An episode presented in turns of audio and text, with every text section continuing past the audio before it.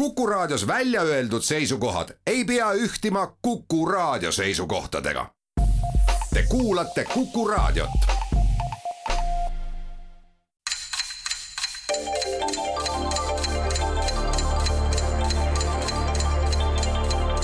tarkade klubi targemaid küsijaid toetab lisateadmistega Postimehe raamatukirjastus tere taas, Kuku raadio Tarkade klubi tervitab häid kuulajaid, kellele juba kellele lõpuks ometi alanud Mihklikuu esimesel laupäeval, kui maapiirkondadest tõmbekeskustesse liikuvatel sõidukitel on tagumine osa selgelt lookas valminud ning koju viidavatest agraarsaadustest. poodides on üheks minevamateks kaupadeks suhkur ja ruudulised vihikud ja niigi kõrgetele elektriarvetele annavad hagu juurde pliitidel podisevad kümne ja enamaliitrised potid täis noitsamu saadusi, millele on antud saatus saada talvehoidisteks. on september ning suur rõõm on tervitada kõiki neid punapõskseid C-vitamiinist õhkuvaid kuulajaid, kellel on selja taha jäänud ka paar esimest elevust tekitavat koolipäeva mis tahes kooliastmes või miks mitte ka ajatus eluõppes. tarkade klubi saade alustab ka täna mõtteliselt oma uue tulemise juba kümnendat hooaega ning teeb seda parimate traditsioonide kohaselt hinnates ja austades neid, keda tõelise missiooniga inimesteks saab kutsuda. häid õpetajaid, õppejõude ja pedagooge. ilusat õppeaastat teile, armsad inimesed ja hea traditsiooni kohaselt on Kübeke selle väärtusliku ameti pidajatest jõudnud ka septembri esimeses ja lubame etteruttavalt ka teises saates Tarkade klubi stuudiotesse omavahel lõbusalt mõõtu võtma. hea meel on Tartu stuudios tervitada selle saate debütante, häid õpetajaid ja eeskätt õppimise ja teaduse populariseerijaid armsast Ahhaa keskusest. tere tulemast, füüsik ja Ahhaa keskuse juhataja Andres Juur. tere! ja tere tulemast ütleme ka füüsikaõpetajale, Ahhaa keskuse ekspositsioonimeistrile Andres Kuurale. tere, tere! Tartu reaalteaduste tähtedele asuvad Tallinna stuudios aga vastu veendunud humanitaarid. me tervitame staažikat ajalooõpetajat ja koduloo uurijat Andres Albere. tere! ning Tallinna Ülikooli professorit, tulevaste ja paljude praeguste õpetajate õpetajat Hannes Palangut. tere! Ütlemata hea meel, et olete täna meiega ja tänase saate küsijad on kõik olnud lähiminevikus, kes usinemad, kes pisut laisemad õppurid. Kivimäe kooli ajaloo ja ühiskonnaõpetuse õpetaja Margus Pillau, raadiokuulajad Janar Tiiro ja Aap Palmägi ja Valeri Küpsis. küsimused on tänast saadet silmas pidades jaotunud teemadena ainenimetuste alla ja tänane tunniplaan on füüsika, maateadus, kunst, ajalugu ja klassijuhataja tunni teemana kõrged koolid alustame ja avavaliku õigusteemade osas läheb siis Tartu Andrestele füüsikutele, palun. valige teema ja sealt kuulete ka esimest küsimust. otse loomulikult me avame füüsika. milline üllatus, aga küsimus kõlab. Al Capone läks üheksakümmend aastat tagasi kevadel trellide taha maksupettuste tagajärjel, aga mõrvade või kuritegeliku rühmituse organiseerimise eest teda vahetult kunagi ei karistatudki Albert Einstein ei saanud sada üks aastat tagasi sügisel talle muidu igati õigustatult antud Nobeli füüsikapreemiat mitte universumi põhialuste mõistmist radikaalselt muutnud geniaalse relatiivsusteooria eest, vaid ühe teise olulise kahekümnenda sajandi esimesteks kümnenditeks juba igapäevaelus, muuhulgas ka teatud praktilise rakendusena vägagi levinud füüsikalise fenomeni lahtiseletamise eest. küsimus kõlabki, mille eest? eeltööd selleks olid üheksateistkümnenda sajandi lõpupoole juba Heinrich Hertz ja Max Planck teinud. Mille eest pälvis Einstein tegelikult Nobeli? oo, see on nüüd, see on tõeline hea küsimus, see on hoopis ajaloo valdkond. see on huvitav küsimus. tõesti väga hea küsimus, no mõtleme, millega Hertz tegeles, Hertz, Hertz on meil saanud, eks ole, sageduse sihukeseks sümboliks. Planckil on oma määramatuse konstant, Plancki pikkus lausa. järsku selle küsimuse vastus on ka määramatu? noh, et millega ta võis tegeleda, ta võis tegeleda väga väikeste asjadega määramatus, määramatust ka puudutavate asjadega. sellel ajal, kas ei tegeletud ka mitte meil dualismiga, aga dualismi lahendasid ära teised mehed. Dualismi probleemid, noh, ja relatiivsusteooria on liikumise kohta, nii et küsimus, millega ta nüüd hakkama sai siis sa üritad ikkagi ausalt äh, detekteerida, et ja, ja, ja, ja ei, no, ei taha ütelda, et sa ei tea, eks ju. muidugi ma ei. püüame välja mõelda, mis see võiks olla. ma üritan arutleda kõva häälega, sest et ma ei tea tea vastust, jah, ma praegu püüan arutleda äkki, et Andres, sul midagi, midagi tuleb äh, head pähe, sest no, et. mul tuli Murphy seadus tuli pähe, et on, et kui midagi saab untsu minna, siis see ka läheb. no siis saavad ja. tulla veel tuumakatsetused, eks ole, et äh, selles ka ju Albert äh, vähemasti mingis eluetapis kaasa lõi no,, nii et. no eks ta patendibüroos töötas, on ju, need olid nii pisikesed asjad, nende eest ta küll mitte midagi ei saanud palka sai ainult. no aga kas me püüame mingi vastuse lukku panna, Andres? ja milline see oleks no ma ei tea, kas me lähme siis äh, mingisuguse määramatuse rada või me lähme pigem tuumarada või me anname lihtsalt korra, äh, vastamiskorra ära? minu arust oleks see äh, aus anname humanitaaridele, sest see on, tegemist on ajaloo küsimusega. aga suur tänu teile selle väga vahva arutelu eest ja väga hästi saatesse haakumise eest. see ikkagi näitab, et te midagi füüsikast teate, aga palun humanitaarid, mille eest? minul käis peast läbi ainult, aga on seotud hoopis teise nimega äh,. valguse kiirus, aga see on ainult ühekordne noh, sähvatus ja seal oli üks Michelson oli selle taga kas äkki võib-olla Einstein kuidagi teoreetiliselt tõestas valguse kiirust? Nüüd ma vajan tartlaste abi. vastusena me tahame teada fotoefekti lahti seletamist, mille siis nii-öelda Albert Einstein lahti muukis ja hakkama sai, kas me saame lugeda Tallinna vastuse õigeks? Ei, ei.. selge, siis jääb see asi punktita praegu, aga tõepoolest fotoefekti lahti seletamine oli siis see, mille eest Albert Einstein pälvis Nobeli preemia ja ma usun, et midagi sarnast me võime ka kindlasti Ahhaa keskuses kogeda või vähemasti küsida antud asja kohta. see teine, see teine küsimus oli tunduvalt meeldivam, selliseid võiks rohkem olla, lihtne oli vastata. väga tore, aitäh teile ja, ja edaspidi siis. selle fotoefekti me võime kiiresti ära ka selgitada, see on see, mis leiab aset igas päiksepaneelis või päiksepatareis, nii et. vägagi kaasaegne energeetikat puudutav küsimus seega, aga palun nüüd Hannes ja Andres siinsamas Tallinnas, valige teie teema või distsipliin. kõrged koolid. no valime kõrged koolid, vaatame, mis tuleb. kõrged koolid, ühes linnas asutati aastal tuhat viissada nelikümmend neli ülikool, mida hakati kutsuma Albertina see Tartu Akadeemia Gustavianast peaaegu sajandi võrra vanem õppeasutus sai oma nime asutaja kohaliku hertsogi Alberti järgi.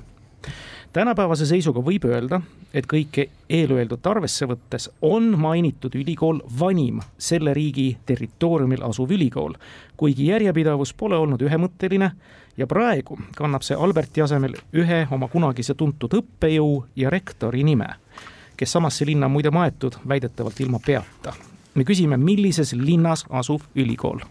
no sul on õige vastus olemas no nii, ajaloolased humanitaarid, äh, palun. ma saan aru, et küsimus oli nii väänatud kui vähegi võimalik. et kui ma mõtlen Vene Föderatsiooni peale, siis no kogu ülejäänud Vene Föderatsioon võib võib ära lükata, pole mõtetki, aga see ei ole midagi muud kui Königsberg. väga õige, Königsbergi ehk siis tänane Kaliningradi ülikool ja, ja kannab ta loomulikult Immanuel Kanti nime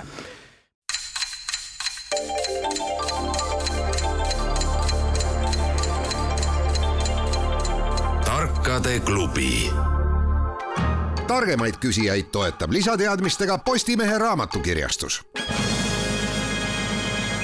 me oleme tänase mänguskoori positiivselt avanud, kõrged koolid on toonud punkti Tallinnale. aga palun, Tartu füüsikud Andresed, teie valik ja me oleme lõbusalt lahti veerenud. kas julgete teist ja. füüsikat võtta? ei enam ei julge, sealt tuleb ajalugu, aga võtame siis ajaloo lahti, äkki seal on füüsikat peidus. muide, ei välista, seda ajaloolist isikut üritati teadaolevalt mõrvata vähemalt kuussada korda. see number peaks olema ka omataolises statistikas, ehk siis atentaadikatsete arv ühe avaliku elu tegelase vastu ka ülekaalukalt suurim. prooviti kõikvõimalikul moel, plahvatavast sigarist kuni mürgiga immutatud sukeldumiskostüümideni välja.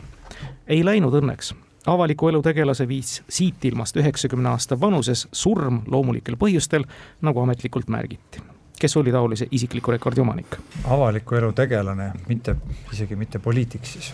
poliitikud üldiselt on avaliku elu tegelased mm. tavaliselt omistatakse neile eraldi kategooria, aga mm -hmm. poliitik elas üheksakümmend, kuussada katset oi,, oi-oi-oi. küsimuse alguses ma juba see kuussada katset, see on nagu eksperimentide seeria juba sealt saaks midagi keskmis-, keskmistada. et on surematu? jah, võiks mingeid järeldusi teha.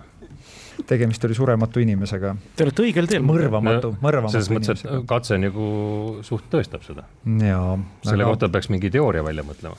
avaliku elu tegelane, kes võis olla meil, nojah ma kõik need tuntud pahalased, keda on palju üritatud mõrvata, need on lõpuks ka nendest on jagu saadud, et on meil siin siis äh, Hitler, kes võttis endalt ise elu, siis on meil need äh, igasugused Al-Qaeda tegelased, keda on käidud erinevatel missioonidel, aga nad on kõik kätte saadud. no küsimus, kes elas üheksakümneseks? sina, Andres, oled palju vanem kui mina, Andres, et. no üheksakümmend ma ei ole nii et me saame siinkohal jällegi teha vist selle vana hea ja anda järje. oota, ära anna veel, on ju. ärge veel andke, mõelge, mõelge vihjete peale. jah, vihja midagi. ja sain öeldud, prooviti kõikvõimalikul moel plahvatavast sigarist kuni mürgiga immutatud sukeldumiskostüümideni välja. sukeldumiskostüümini? see tähendab seda, et ta väga vana tegelane olla ei saanud, sest sukeldumist, no ma ei tea, viissada aastat tagasi nagu polnud, eks ole. ta väga ajalooline ei saa olla hmm.. kus maailmajaos ta võis olla? Kujuta ette. no siis on meil veel igasuguseid Hiina diktaatorid, seal on ka igast huvitavaid asju olnud, vaata vennad seal ju tellisid mingid tüdrukud, kes noolega lasid, mürginoolega teist venda ja jah, ei no Hiina kõlab nagu loogiliselt, vaata noh, kui Eestis tahad kedagi maha nottida, eks ju, miljoni seast leiab võib-olla niimoodi mõned inimesed, kes on nõus seda tegema. hiinlasi on ju kordades rohkem, seal nad proovivad ka rohkem meil leiavad ühe mõrvari, Hiinast leiavad kuussada jaa, aga see ei vii meid kuidagi lähemale nimele, nii et mul on tunne, Andres, et me võime kuule, oota, ikkagi... me huumoripunkti võiks ikka kuidagi välja ping-, pingutada, pingutada. no aga tee üks hea nali ja siis anname järje Tallinnasse. alati saab hullemaks minna. me anname järje Tallinnasse, sest me lihtsalt ei tea. selge pilt ja palun, Tallinn võtab selle palli rõõmuga vastu. selle mehe ametinimetus oli El Comandante El Jefe selge pilt ja nimi tuleb. Fidel Castro. täpselt, Fidel Castro, ma lootsin, et see mürgiga immutatud sukeldumiskostüümi kõrval ka plahvatav sigar, väga füüsikaline, võiks vihje anda sinna juurde. aga see oli siis jah, Ameerika Ühendriikide luure keskagentuur, kes nõnda meeleheitlikult viiekümne aasta jooksul proovis. kuussada kolmkümmend kaheksa väidetavalt ja sellest on valminud ka eraldi dokfilm, mil moel seda kõike prooviti, aga hakkama ei saadud. teine punkt Tallinnale aga kas nad olid suht saamatud sellisel juhul? olid küll, kas sa näe, olid tõesti. ja palun, Andres ja Hannes, palun, siin Tallinnas, tee valik. võtaks kunsti. no võtame kunsti, vaatame, sul läheb hästi täna, tõepoolest, hea vorm, õppeaasta algus ikkagi. mõned nädalad tagasi varises kuuekümne kolmandal eluaastal manalasse vene kunstnik Dmitri Vrubel üheksateistkümnenda, kahekümnenda sajandi vahetuse nimeka sümbolisti Mihhail Vrubeli järeltulija tema kuulsaimaks teoseks kujunes Mu jumal, aita mul see surmatoov armastus üle elada. selle lõi kunstnik aastal tuhat üheksasada üheksakümmend ühe foto põhjal, mis juba seitsmendal oktoobril tuhat üheksasada seitsekümmend üheksa oli üles võetud. mis antud tegelikult laialt tuntud ja märgilise teose sisu oli, keda või mida sellel kujutatud oli? originaalina see paraku või õnneks säilinud ei ole lähiajaloo veidi parematele tundjatele peaks ülaltoodud kuupäev olema piisav vihje palun kuupäeva korrata, seitsekümmend üheksa. seitsmes oktoober. seitsmes oktoober seitsekümmend üheksa. ma arvan, et jupike sellest originaali kandjast on Tallinnas okupatsioonimuuseumi juures püsti. jupike. jupike, see oli hästi suur niisugune ilgelt pikk originaali kandja ja selle külge siis tehti see fotokene, joonistuk-, joonistusekene. no mis see siis oli? Erich Honecker suudles keda, Brežnevit? Hiilgav, suurepärane teadmine kunstivallas ka geograafiaprofessor Palangult, see on tõepoolest grafitimaal Berliini müüri üheksakümnendal aastal veel säilinud osal, kus Leonid Brežnevi ja Erich Honeckeri vennalikku tervitussuust on kujutatud. niisiis Saksamaa Demokraatliku Vabariigi kolmekümnendal aastapäeval tehtud foto järgi. Oma viimased aastakümned veetiski Vrubel Berliinis surmatoova armastuse fraasiga osutas kunstnik müüri ületamise katsel hukkunutele. see on siis juba kolmas punkt. Tallinnale aga ei tasu Tartu füüsikut kindlasti meelt heita. Te olete kõigi kuulajate südamed juba võitnud. palun, teie teema valik. no proovime uuesti füüsikat, äkki leiame veel ajalugu. ei, muide ei leia, ehkki viiteid sellele küll. ülehelikiirusel liikuv objekt tekitab lööklaine, mille inimesele kuuldav tagajärg üldjuhul pauguna väljendatav müraefekt on ilmeka näitena on see kõikide jaoks kõrgelt mööduvate reaktiivlennukitega seoses tuntud mis on aga inimkonna pika tehnoloogia ajaloo esimene teadaolev leiutis ja vastav valmistatud ese, mis ümbritsevate jaoks analoogilise müra tekitab ma julgen pakkuda, et see on piits. no näed, ma ei jõudnud ka. käib, käib, käib, käib, teeb kiire laksu ja, ja see peaks olema üks esimesi esemeid. kauboi pitsa viimane, see peenik ots teeb. hiilgav vastus füüsikutelt, ma pidin veel ühe lause ütlema, et eriti silmatorkav oli kõnealune vahend atribuudina teatud ametimeestele, mille viimased esindajad Tallinnas olid siis Ralf Krabi ja Tartus August Viin.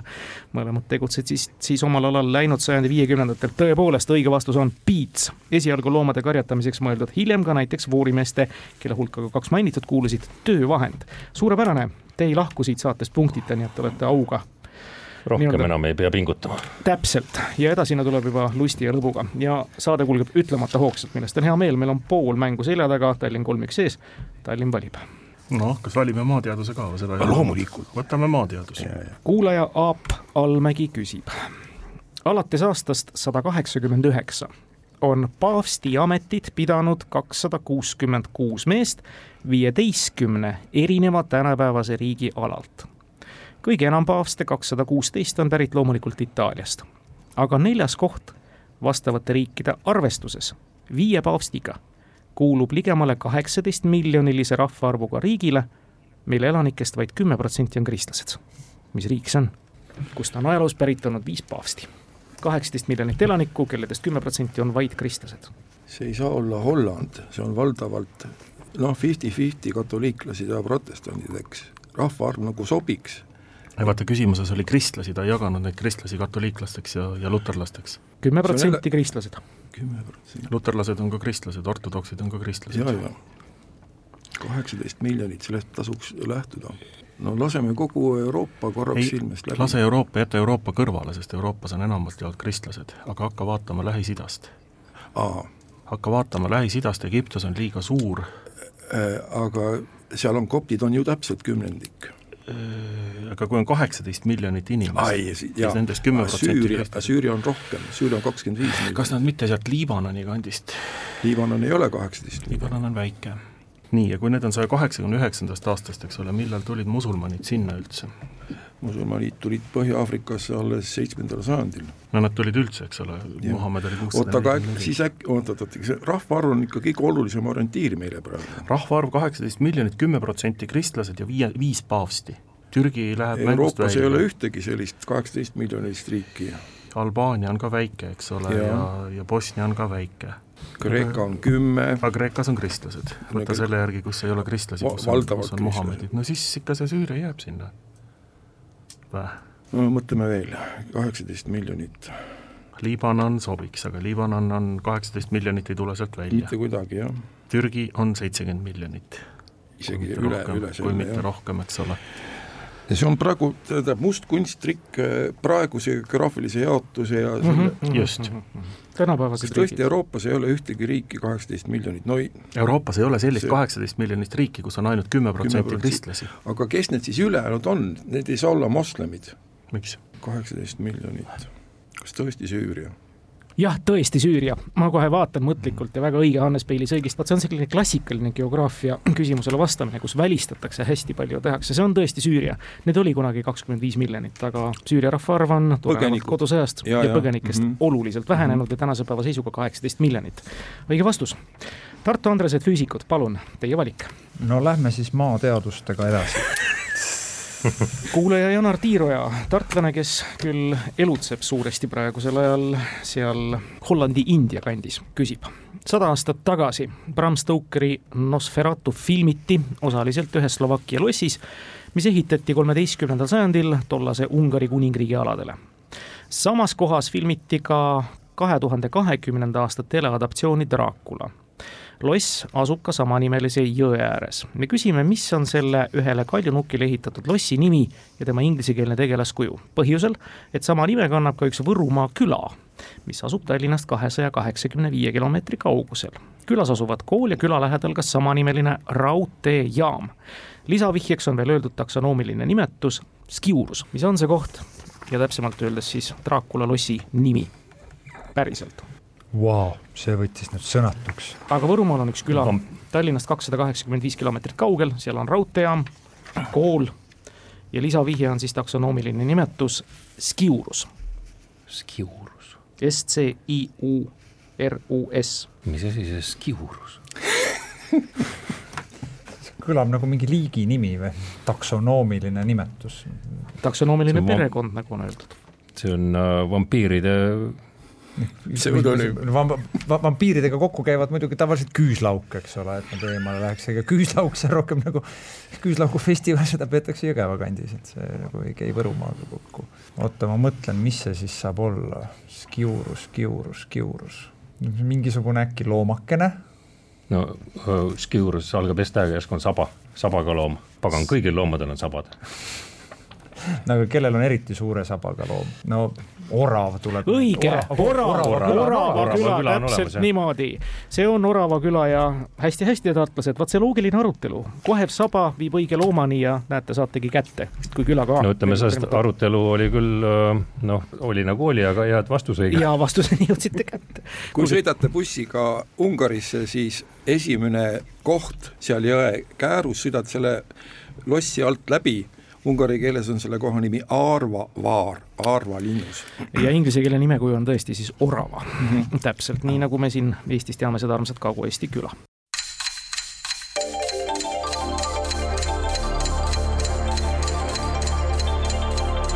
tarkade klubi targemaid küsijaid toetab lisateadmistega Postimehe raamatukirjastus kaks punkti Tartu, Tallinnal neli, kolm küsimust lõpuni minna. Andres ja Hannes, te valite. no mis me võtame siis nüüd, äh, kõrged koolid jälle või mm? -hmm. võtame kõrged koolid. kõrged koolid ja küsimus kõlab. oktoobris tuhat üheksasada kolmkümmend jõudis Tartusse järgmise sisuga kiri. tema kõrgeaususele härra professor doktor Kõpile, Tartu Ülikooli rektorile. väga austatud härra rektor härra Jott Blumenfeld Tartust teavitas mind eelseisvast juudi teaduse õppetooli loomisest Tartu Ülikoolis ning mõistvast ja heatahtlikust vastutulekust, mis on sellele kavale osaks saanud kõrgkooli juhtide poolt. ma tervitan otsust, soovides sellele edu ning palun teid, väga austatud härra professor, võtta vastu rõõmu ja tänuavaldused osutatud toetuse eest. Pälvigu see näide eeskujulikust rahvuslikust sallivusest kõikjal Euroopas teenitud tähelepanu ja heakskiitu eriliselt kõrge austusega kolm punkti. kes kirjutas kirjale alla, kõlab küsimus. kõrgstiilis Blumenfeldi kaudu, kes oli Blumenfeld. see juudi õppeteadus loodi minu meelest, kui ma nüüd valesti konspekteerisin, tuhat üheksasada kolmkümmend. just. kas see õppetool ei loodud mitte natuke hiljem? siin jutt käib plaanidest ah,. No, kolmkümmend oli plaan, eks ta siis hiljem tuli. kolmkümmend viis minu meelest oli see, Kulkovitš oli, Lazar Kulkovitš oli see esimene ja viimane professor aga kiri rektorile, tundub, et see on noh, väljaspool Eestit ilmselt, eks ole. see kiri on ju tõlge. mingi, mingi ava, avaliku elu tegelane, nagu me räägime, väljaspool Eestit. kas see nüüd on füüsika küsimus või? see on kõrged koolid ei, aga ma mõtlen, et see võib olla füüsika küsimus. nii nagu füüsikud olid esimese küsimusega hädas. kas et... Äh, Einstein võis kuidagi teada saada sellisest kavatsusest? võis küll ja saigi ja kirjutas saksa keeles selle kirja tõepoolest austatud doktor Kõpile. just no, nii. oligi füüsika küsimus. oligi füüsika küsimus ja eks Hannes sai kohe aru sellest. viies punkt teile, Tartul punkte kaks, meil ainult üks küsimus muidu ongi senimaani jäänud vastuseta, nii et väga produktiivne mäng ka veel peale selle. aga oli ka Einsteini küsimus? oli ka Einsteini küsimus, juhtumisi, aga noh, õppeaasta alguses, kus siis veel, kui mitte sealt teda küsida. härra Tartu füüsikud, meil on jäänud kunst ja meil on jäänud ajalugu, mõlemad on paadunud humanitaaride küsimused, aga proovige, emba-kumba. no võtab äh, kunstlikult. väga hea, kaunid kunstid on ka Ahhaa keskuses väga ilusti esindatud. mulle eriti meeldib see väga suur laud kohe fuajee juures. nii et sealt hakkamegi pihta, püha õhtu söömaaeg on evangeeliumi süžee, mida arvestatav hulk kunstnikke enda loomingus interpreteerida on võtnud varakeskajast alates tänapäevani välja. Leonardo viieteistkümnenda sajandi lõpul valminud fresko Milanos on kindlasti omataolistest tuntuim vastavaid rohkeid teoseid on pidevalt uurinud ja tõlgendanud kunstiteadlased, aga mitte ainult. Iowast pärit praegu kuuekümne kahene majandusteadlane Brian Wansink ja tema religiooniloolasest noorem vend Greg Wansink võtsid ette viiskümmend kaks püha õhtusöömaja pilti läbi aegade ning käsitlesid valitud töid olmeajaloo eripärade ja inimeste elulaadi väljendavate teatud konkreetsete kujutatud detailide sajandite jooksul muutumise vaatevinklist märtsis kaks tuhat kümme ilmus vastava töö viljana ka teadusartikkel, milles kõigele sellele otseselt osutasid. ja pakkuge, mis oli siis kõnealuse vendade uurimuse tähtsaim järeldus. Kui nad viiskümmend kaks pilti läbi aegade vaatasid ja käsitlesid siis töid olmeajaloo eripärade ja inimeste elulaadi väljendavate teatud konkreetsete kujutatud detailide sajandite jooksul muutumise vaatevinklist kõlas keeruliselt, aga loodan, et arusaadavalt. ja ma saan aru, et küsimus on selles, et kas on... midagi siis nüüd muutus või ei muutunud, et olid need ehted, olid need riided, oli see söögikogus, söögikogus. punkt pandud, see... see oli söögikogus, see oli tõepoolest laual olevate toiduportsjonide kogused on ajapikku aeglaselt, aga järjepidevalt kasvanud. Põhiroogade maht koguni kuuskümmend üheksa protsenti, taldrikute suurus kuuskümmend kuus protsenti, leibade mõõtmed kakskümmend kolm protsenti. mainitud teadusartikli pealkiri The largest last supper depictions of food and plate size selle koha peal over the millennium. Läks nagu hästi, et äh, sa jõudsid söögikoguseni, ma ütlesin samal ajal dieet. täpselt, ma juba vaatasin. ma lihtsalt mõtlen, ma mõtlen, et kuidas sihuke paari, paarisaja aasta pärast on, hakkavad ka esi, ilmuma esimesed ülekaalulised need jüngrid sinna laua taha. see on täitsa võimalik olemas ja see aeg ei pruugi üldse enam kaugel olla. nii tore on teiega ja väga nobedalt on see mäng kulgenud, me saame kõvasti ka saatetunni lõpus muusikat kuulata. tõsi, ajaloo küsimus nüüd kõlab tänase saate viimane Hannesele Andresele siin Tallinnas. kolmandal sajandil peale Kristust ilmusid esimesed ristiusu kuulutajad ka toonasesse Galliasse ehk tänase Prantsusmaa aladele. rühm, keda juhtis püha Dionüüsius, lõpetas aga oodatult halvasti.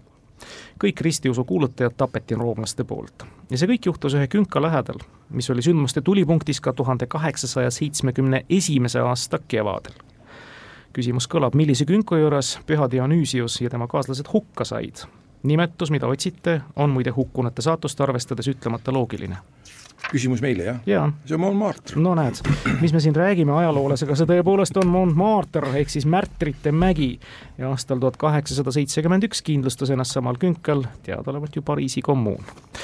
ja see väga viljakas ja väga käbedalt, kärmelt kulgenud tund on saanud teiega väga ruttu läbi. kuus, kolm Tallinna võiduga, aga väga vahva on olnud, üks küsimus ainult jäigi vastamata, see oli siis fotoefekt, mida tegelikult ju väga hästi teati. head külalised, meie saate traditsioon näeb ette ka täna kuuldud parima küsimuse väljaselgitamise, mida Tartu füüsikud arvavad mis kõlas kõige parema küsimusena? mõni sihuke, millele me ikka vastust teadsime, eks ju? noh, piitsa vastust me teadsime kohe. see oli liiga, ei, see oli liiga jah. see, see, see oli liiga lihtne mul on tunne, et see võib-olla see mm, ikkagi orava sabast äh, tuletatud küsimus, kus me läksime tegelikult põllule, kus meil polnud õrna aimugi, mis on õige vastus ja, ja me saime läbi saba kätte. vaat jah, saba kaudu õige vastuseni, väga tubli. see on Janar Tiiroja küsimus ja mida ütlevad Hannes ja Andres Tallinnas? no paavsti küsimus paavsti küsimus, just Süüria, nii et kaks kuulaja küsimust, kaks kuulaja raamatut saab teile saadetud Aap Palmegile ja Janar Tiirojale.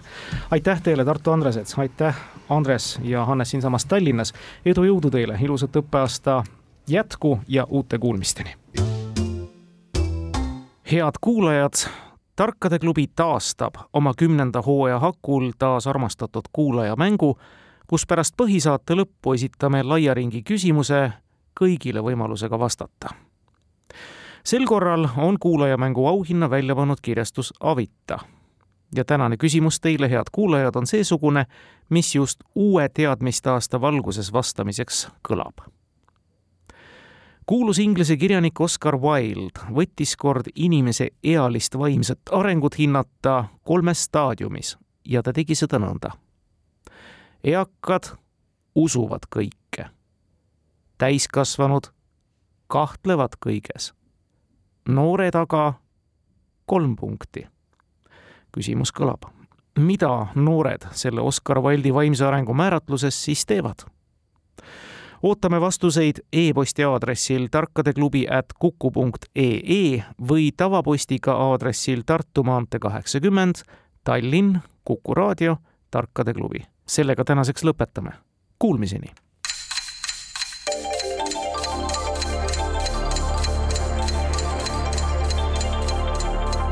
tarkade klubi.